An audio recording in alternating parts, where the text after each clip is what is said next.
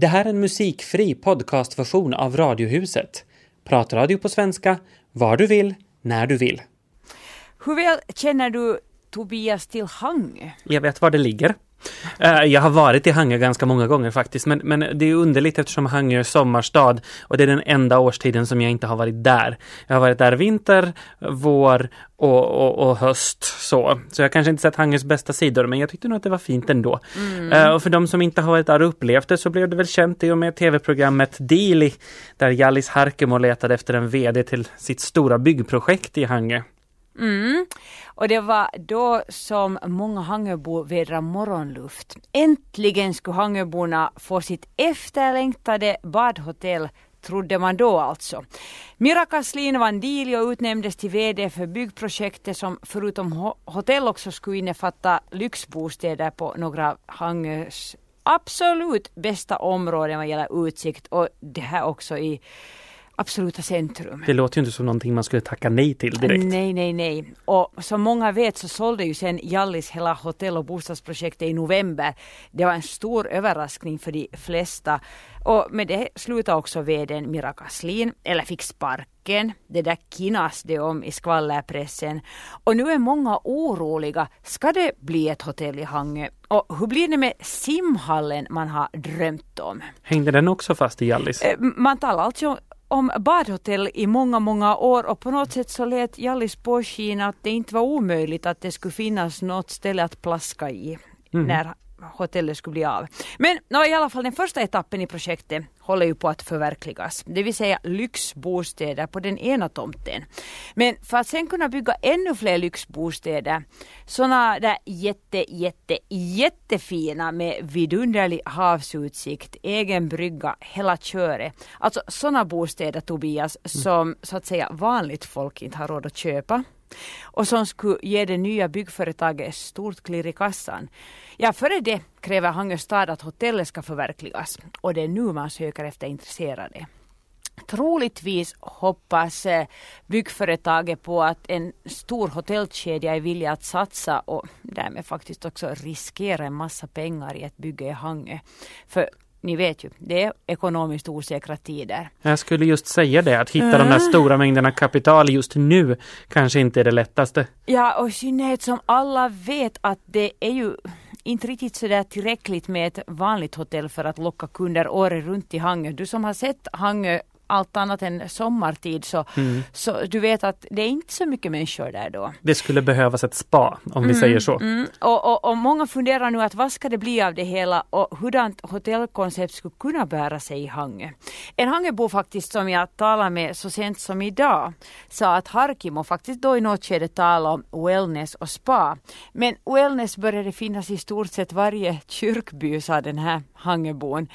Mm, man vet ju inte. Man har alltså talat om ett eh, nytt hotell i Hangö tiotals och återigen tiotals år. Många har varit intresserade, främst då av de där fina tomterna.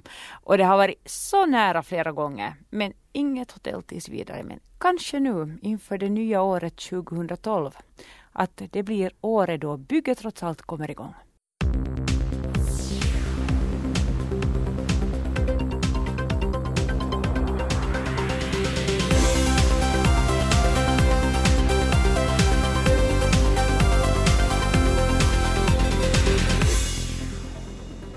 Och här fortsätter Radiohuset måndag, årets första.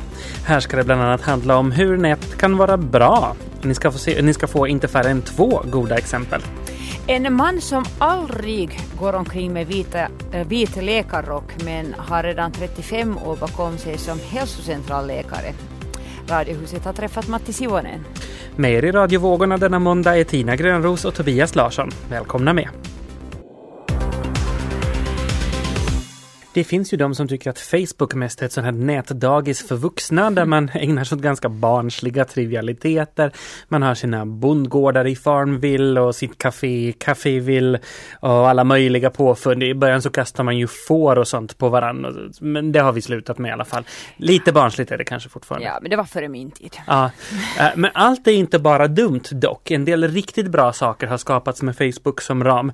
Exempelvis Rättviseförmedlingen i Sverige skapad av PR-konsulten Lina Tomsgård. Hon hade redan i många år försökt motverka det här kompakta gubbväldet som ju råder i landets alla expertsoffor. Du vet att om det ska pratas sport så sitter där en man som expert. Pratas det bilar sitter där en man och pratar man ekonomi, bingo, en kar. Men vet du vad det bästa, eller värsta jag varit med om? En läkare som satt i soffan och pratade om smärtfri förlossning och det var en man. Ja, han visste säkert jättemycket om hur det känns just att ja, vara så, ja. föda barn. Mm. Lina hade i flera år försökt tipsa nyhetsredaktioner och andra om du vet, så alternativa experter istället för att ta den där självklara man man kommer att tänka på först. Så försöker man hitta en lika bra men en som spräcker stereotypen. Så, mm. alltså kanske inte nödvändigtvis en kvinna istället för en man men kanske lika väl en invandrare istället för en, för en etnisk svensk så. Mm. Uh, för två år sedan bestämde hon sig för att lägga ut sin verksamhet på Facebook för att se om någon ville hjälpa till. Pang sa det i inkorgen. På tre minuter hade 200 människor anmält sitt intresse. För de här stereotyperna, de borde ju motverkas därför att de, de ger oss liksom helt fel bild av hur världen och kompetensen ser ut. I en intervju i DN så säger Lina Thomsgård att 82 procent av alla experter som uttalar sig i världens medier är män. Vilket ju gör att många människor nog tror att man måste vara en vit man i kostym för att veta någonting överhuvudtaget. Mm, så är det. Mm.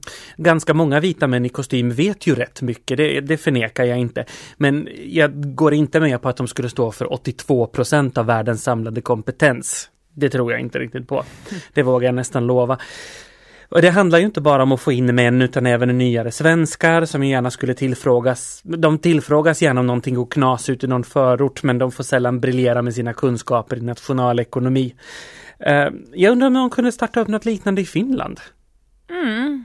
Jag tycker att vi ska vara föregångare på radion. Absolut, och, och, försöka hitta just att inte gå till den mest uppenbara. Vi behöver inte vara den där svenska nyhetsredaktionen som söker mannen i kostym. Nej, Precis, exakt. Uh, jag tycker att om någon skulle vilja tipsa oss dessutom om alternativa experter i form av kvinnor, invandrare och svenskspråkiga så skulle det tas emot med helt öppna armar härifrån.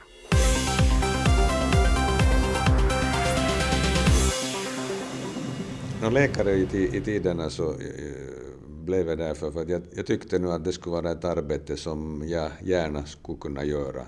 Visst fanns det ju en viss eh, gloria med där, men jag kom ju inte in till medicinska sen via eh, de här normala intagningssystemen, utan jag fick läsa mig till, till filosofiekandidat på Helsingfors universitet och då var det ännu möjligheter för de som hade passliga slutexamen att, att komma in via bakdörren och, och, och portarna till Helsingfors medicinska var stängda då, men till, till Åbo kom jag in och det var 1972. Matti Sivonen har jobbat som hälsocentralläkare i Karis och Ekenäs i 35 års tid. Han skulle haft chansen att bli idrottsläkare, kirurg eller privatläkare. Men så icke medicinska fakulteten är ju på det sättet bra att när du kommer in dit så blir du nog sparkad ut, ut också. Vi har ju på ett sätt ett bra system eh, om man jämför med det här nu till exempel vad de har i Europa, bland annat min dotter som studerar i, i, i Tartomedicin, så, så det, är ju, det är ju ett system som nog vrider nacken av människorna om de inte har kapacitet. Vad menar du med det? i, i universiteten där i Europa så det, blir, det finns en massa som är intagna dit men sen är tentorna så hårda att kommer du inte igenom en tent så får du ta den på nytt en gång. Och, och får du inte på nytt, eh, kommer du inte igenom en stor tent på, på, på andra gången så då blir du sparkad ut från universitetet ett år. Och, och så får du ta om de där tentorna och kommer du inte sen igenom så så blir det paff ut från universitetet. Så du kan ha en, en, en, en femårs studier bakom dig och sen blir du utsparkad. Och, och har de där teoretiska kunskaperna men har inte kommit igenom eh, tenten och då är du inte färdig. Så på, på ett sätt så kan jag väl med tänka mig att kanske det är någon sån här eh, fuskläkare som har gått den här vägen och tycker att jag är nu värd de här, de, här, de här papperna och så köper jag dem från Sankt Petersburg. Bara som en parentes. Nu tycker vi alla illa om det här att, att det överhuvudtaget eh, kommer upp sådana här fuskläkare som vi nu haft i Karis och som, som det nu kom sen fram större saker. Det gäller för alla. Varför valde du sen att bli hälsocentralläkare som är så oglamoröst jämfört med till exempel kirurg? Jo, jag skulle, jag skulle ju bli kirurg jag också som var, som var glamoröst och, och sen var jag eh, jag kom 77 till Karis, vi kom till Karis egentligen från Åbo på grund av att, att vi hade blivit uppsagda för en lokal och så, så var så var mina, min långa studietid var redan så att jag hade lite krapula att komma på arbete, så jag parkerade i Karis och där fanns ett hälsocentralarbete som var nära Helsingfors, dit jag skulle flytta och, och så fanns sommarvillan äh, andra vägen ut till Karsnäs dit jag ville också vara, så, så där blev jag Karis.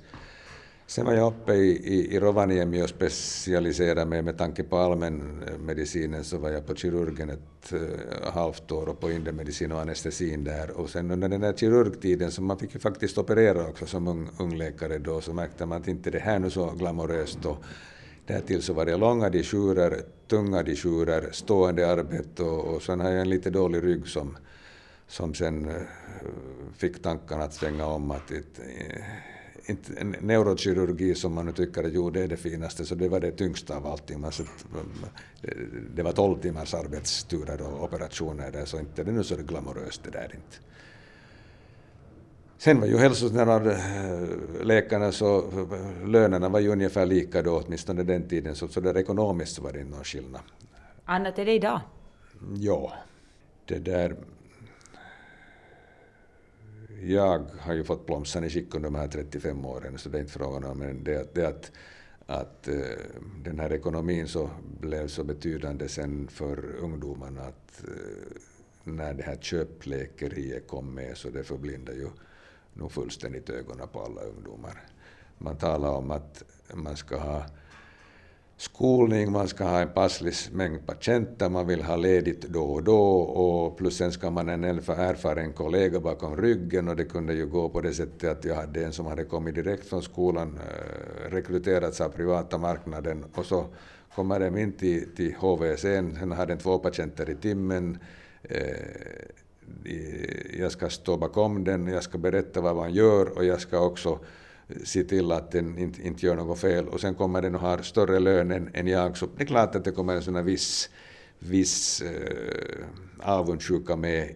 Det är inte kanske så mycket avundsjuka utan det är en sån här att, att det är på något sätt så fel. Och det tyckte ungdomarna också att det var fel. Men, men det, ju var, det var ju inte deras fel utan det är systemets fel som, som blev, blev så att de, det var pengarna som till slut eh, betydde det är ju inte fint i Finland att tala om att man har hög lön, men i grund och botten var det det. För alla som ville komma till hälsovårdscentralen så fick nog samma förmåner som de här kandidaterna eh, eller nu, nu utexaminerade läkarna från privata marknaden. Men, men när det sen gällde så hette det nu kommer jag men inte kommer jag för de där pengarna som kommunen bjuder. Nu har man ju fått ögonen upp, upp för det här systemet som, som, blir ett, som, som alltjämt finns att eh, hälsovårdscentralerna har också sett att det enda sättet att liksom försöka få fastanställt folk på kommunala tjänster är att kunna visa dem, erbjuda lite liknande löner och erbjuda kanske någonting annat. Det finns någonting annat här sen trots allt än, än, än bara pengar och pengarna, lönerna är ungefär lika, ganska nära nu varandra. Hur det fortsätter sen så vet jag inte. Mitt tycke är det ju, var det ju nog ledsamt att den här privata verksamheten kom överhuvudtaget in det gick ju på det sättet då när den första laman då var på i slutet på 90-talet att i läkarnas arbetsavtal stod det att förutöver ditt normala arbete så hör det till en läkare att dejourera.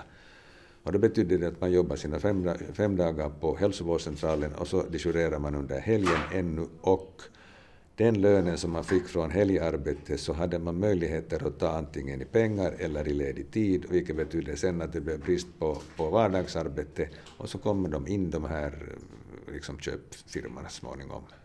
Mm. Så gick det ju till. Vad tror du om framtiden? Ser man på ungdomarna så de har ju en mycket bra teoretisk kunskap. Det är inte alls, för de kan mycket mer teori än jag och det ena och det andra.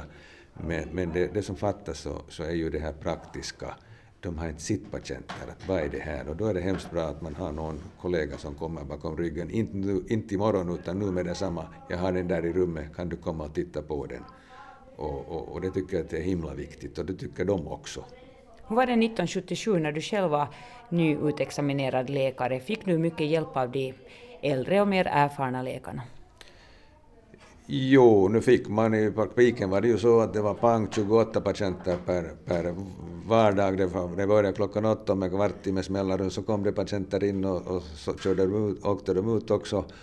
Och, och, och visst fick man ju, man kunde nog också då gå in och fråga kollegorna att, att det där. Ibland hände det att man fick till svar att av en äldre kollega som svarade att hördu vad ska jag göra? Så svarade han att jag skulle nog gå till en doktor nu. Och vad han menar med det så vet jag inte. Är läkaryrket ett kall för dig? Ja, nu har det, nu har det mm. blivit, det har blivit ett kall så småningom. Ja. För mig som, som alla andra som är pensionerade skulle det väl löna sig att säga upp sig direkt och, och, och det där anställa sig på nytt. Vi får väl se vad framtiden visar.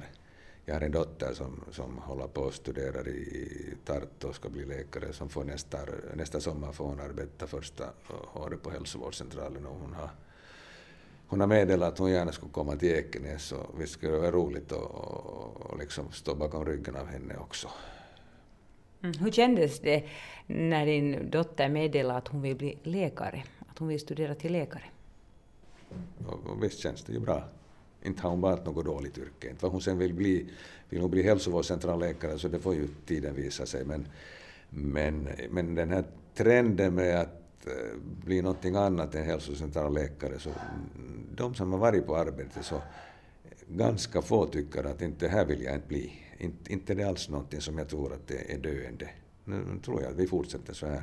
Bara man skulle få, få liksom tjänsterna besatta, att folk skulle sitta på sin plats. Jag har ju varit nu 30, sen 77 det blir ganska länge, 35 år snart. Och det blir sådana här, här saker som för 30 år sedan så åkte jag ännu cykel riktigt aktivt och så var jag här på Mjöbasta nu 1900, nej, 2010 på våren var det, så var det en tant som skulle fylla 100 år. Hon var i svart och, och, och, och hon skulle åka hem då. Och så frågade hon ju mig att hör du doktorn här, för, för 30 år sedan så åkte jag svart och backan upp och så var det någon cyklist som kom där bakom och sa att du har lite dåligt med luft i däcken. Cyklisterna ser ju alltid på att vem har mycket luft i däcken och hur stora växlar råkar du med. Så hon hade inte växlar, hon hade bara en växel, men hon hade dåligt med luft i däcken. Och så stannade jag och pumpade de där däcken åt henne. Och efter 30 år så kom hon ihåg det här att jag skulle vilja veta det och sa att hördu, det var nog jag. Och sen har vi sånt här som en av våra sjuksköterskor mottagningen så inte visste jag ju vem det var, men, sen, men så kom morsan plötsligt in från, Kari, från Karis någonstans, vi satt någonstans och så vad gör du här?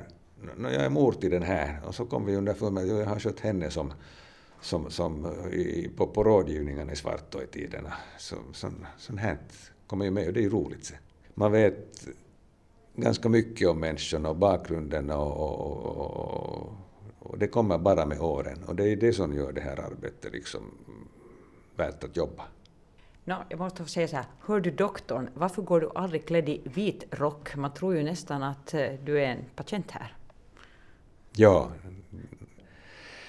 jag har inte gått med vit rock för jag har alltid tyckt att den där vita rocken så den behöver inte visa att jag är läkare med den där vita rocken, nu kommer det med tiden. Sen kommer det ju sånt här också med, med eh, hygien och det andra och min hustru där hemma tycker inte alls om att jag inte går med vit rock Precis som hon inte tycker om att jag inte har hjälm när jag åker cykel heller. Ja, varför har inte det då? No, ja, det är en fråga för sig som man inte ska vädra. Som läkare? Man, så man, ska, man ska inte vädra det så här off, offentligt. Mm.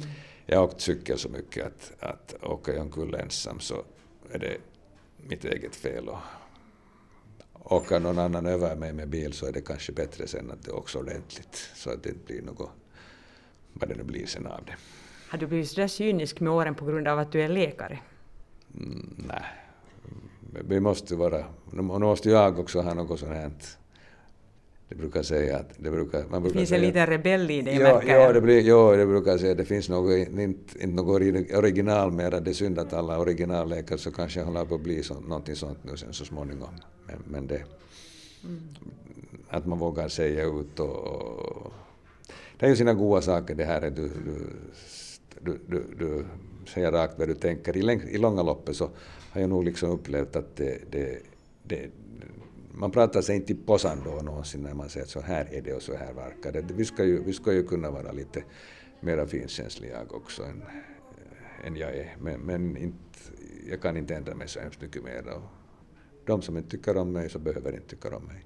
Hur länge Matti Sivonen tänker du fortsätta jobba som hälsocentralläkare? Tills vidare. Jag kan inte svara egentligen mer. De sparkar ut dig? Ja, nej, inte vet jag hur länge. Vi har ju Erik Hagman som är i huset som har blivit pensionerad redan för 28 år sedan. Han är fyllt 71 och han arbetar ännu på somrarna. Men utan på, på höst, somrarna har han ledigt men, men hösten och våren arbetar och ibland är han sen i, i, i uh, Australien, ibland är han på Grönland och ibland är han i Afrika. Jag tror inte att det blir lika med mig men, men det där, nu ska jag nog arbeta tills vidare. Hur ofta har eh, privata bemanningsföretag eh, försökt locka över dig till den privata sektorn? Många gånger. Mm, ja, nu har de, nu har de försökt många gånger men inte, inte tycker jag det, det jag satt och drack, eh, åt, åt ärtsoppa och bjöd åt Pertti Karjalainen som grundade Medone för 15 år sedan. Och, och, och sen, när, sen när de sålde pojkarna firman och fick efter fem års arbete fick de 7 miljoner euro per skaft så, så jag skulle ha haft möjligheter att gå dit redan för länge sedan då, men jag, tyckte, jag har alltid tyckt att det här, det här, det här läkararbetet, det ska, inte, det ska inte vara liksom eh, pengarna som bestämmer. Tyckte du om den där rättviseförmedlingen jag berättade om förut? Den var väl inte så illa? Ja, den var ju inte alls tokig. Mm. Jag blev helt inspirerad. Jaha, mm, förra veckan så såg jag ett annat initiativ på Facebook som jag blev väldigt berörd av. Eh, den svenska författaren och föreläsaren Kristina Stieli eh, berättade på nätet hur hon hade fått e-post från en tonårig flicka som hade varit på hennes föreläsning. Den här flickan var hemskt nervös inför det stundande nyåret för hennes kanske inte helt stabila mamma skulle ha fest och där skulle det supas. Och flickan hade ingen att prata med om saken och bestämde sig helt soniska för att skriva till det enda hon kom på, en egentligen fullständigt främmande människa på nätet. Som, som då, hon hade bara varit på föreläsning? Hon hade varit på föreläsning och tänkt att hon kanske ja, förstår. Ja. Så hon kastade iväg ett mejl och berättade om allt det här de pratade fram och tillbaka och så bestämde de att de skulle chatta med varandra under nyårskvällen så och skicka meddelanden fram och tillbaka. Den här författarinnan skulle gå på någon, skulle gå på någon sådär nyårsfest men sa att hon skulle ha mobilen på så att de kunde skicka meddelanden att om det var någonting så. Kristina mm. Stele berättade om den här händelsen på Twitter och, och, så fick en helt störtflod av respons. Allt från ilskna kommentarer om skitföräldrar som inte kan ta hand om sig själva och, och, eller om sina barn. Eh, till bekanta som erbjöd sig att åka och hämta flickan så att hon kunde få med ett lugnt och tryggt nyår istället. Men den riktiga följden av det hela var att Kristina Steli startade Jourvuxen på Facebook. Och det är ett ställe där barn och unga i behov av någon att prata med kan hitta vettiga vuxna att, att då skriva till. Alla kan anmäla sitt intresse men alla får inte vara med för man måste ha goda rekommendationer och uppfylla vissa kriterier. Det står bland annat här att en jourvuxen är en vuxen person som kan ta ett ansvar för att svara på frågor och finnas till hands för barn och ungdomar. Ehm, att man ska göra sitt yttersta för att eftertänksamt och klokt lyssna och vara ett stöd. Och att man ska uppträda empatiskt och moget. Och när man känner att här kan inte jag hjälpa längre utan här behöver det exper eh, behövs expertis så ska man kunna bolla vidare till rätt sorts expertis. Mm. Allt det där låter ju jättebra så länge det fungerar så att det faktiskt är de här rätta vuxna, att det inte sen kommer in någon. Ja, man, helt, hoppas, helt man hoppas ju, det hoppas de också. Mm. Det står också utskrivet på den här mm. sidan att man hoppas då att de som söker sig dit faktiskt är, är vettiga människor. Och jag tror att det är jätteviktigt att ha någon att prata med. Alltså mm. Alltså precis som det här finlandssvenska projektet Sluta panta. Ja, den är ju bra. Där också unga kan få prata med äldre och mer erfarna mm. nätvänner för stöd och hjälp. Och den hittar man ju via Extrems hemsida, mm. extrem.yle.fi. Mm. Och vad gäller den anonyma flickan? Jo, hon låste in sig på rummet, såg på TV, chattade med författarinnan och hade sitt lugnaste nyår på många år.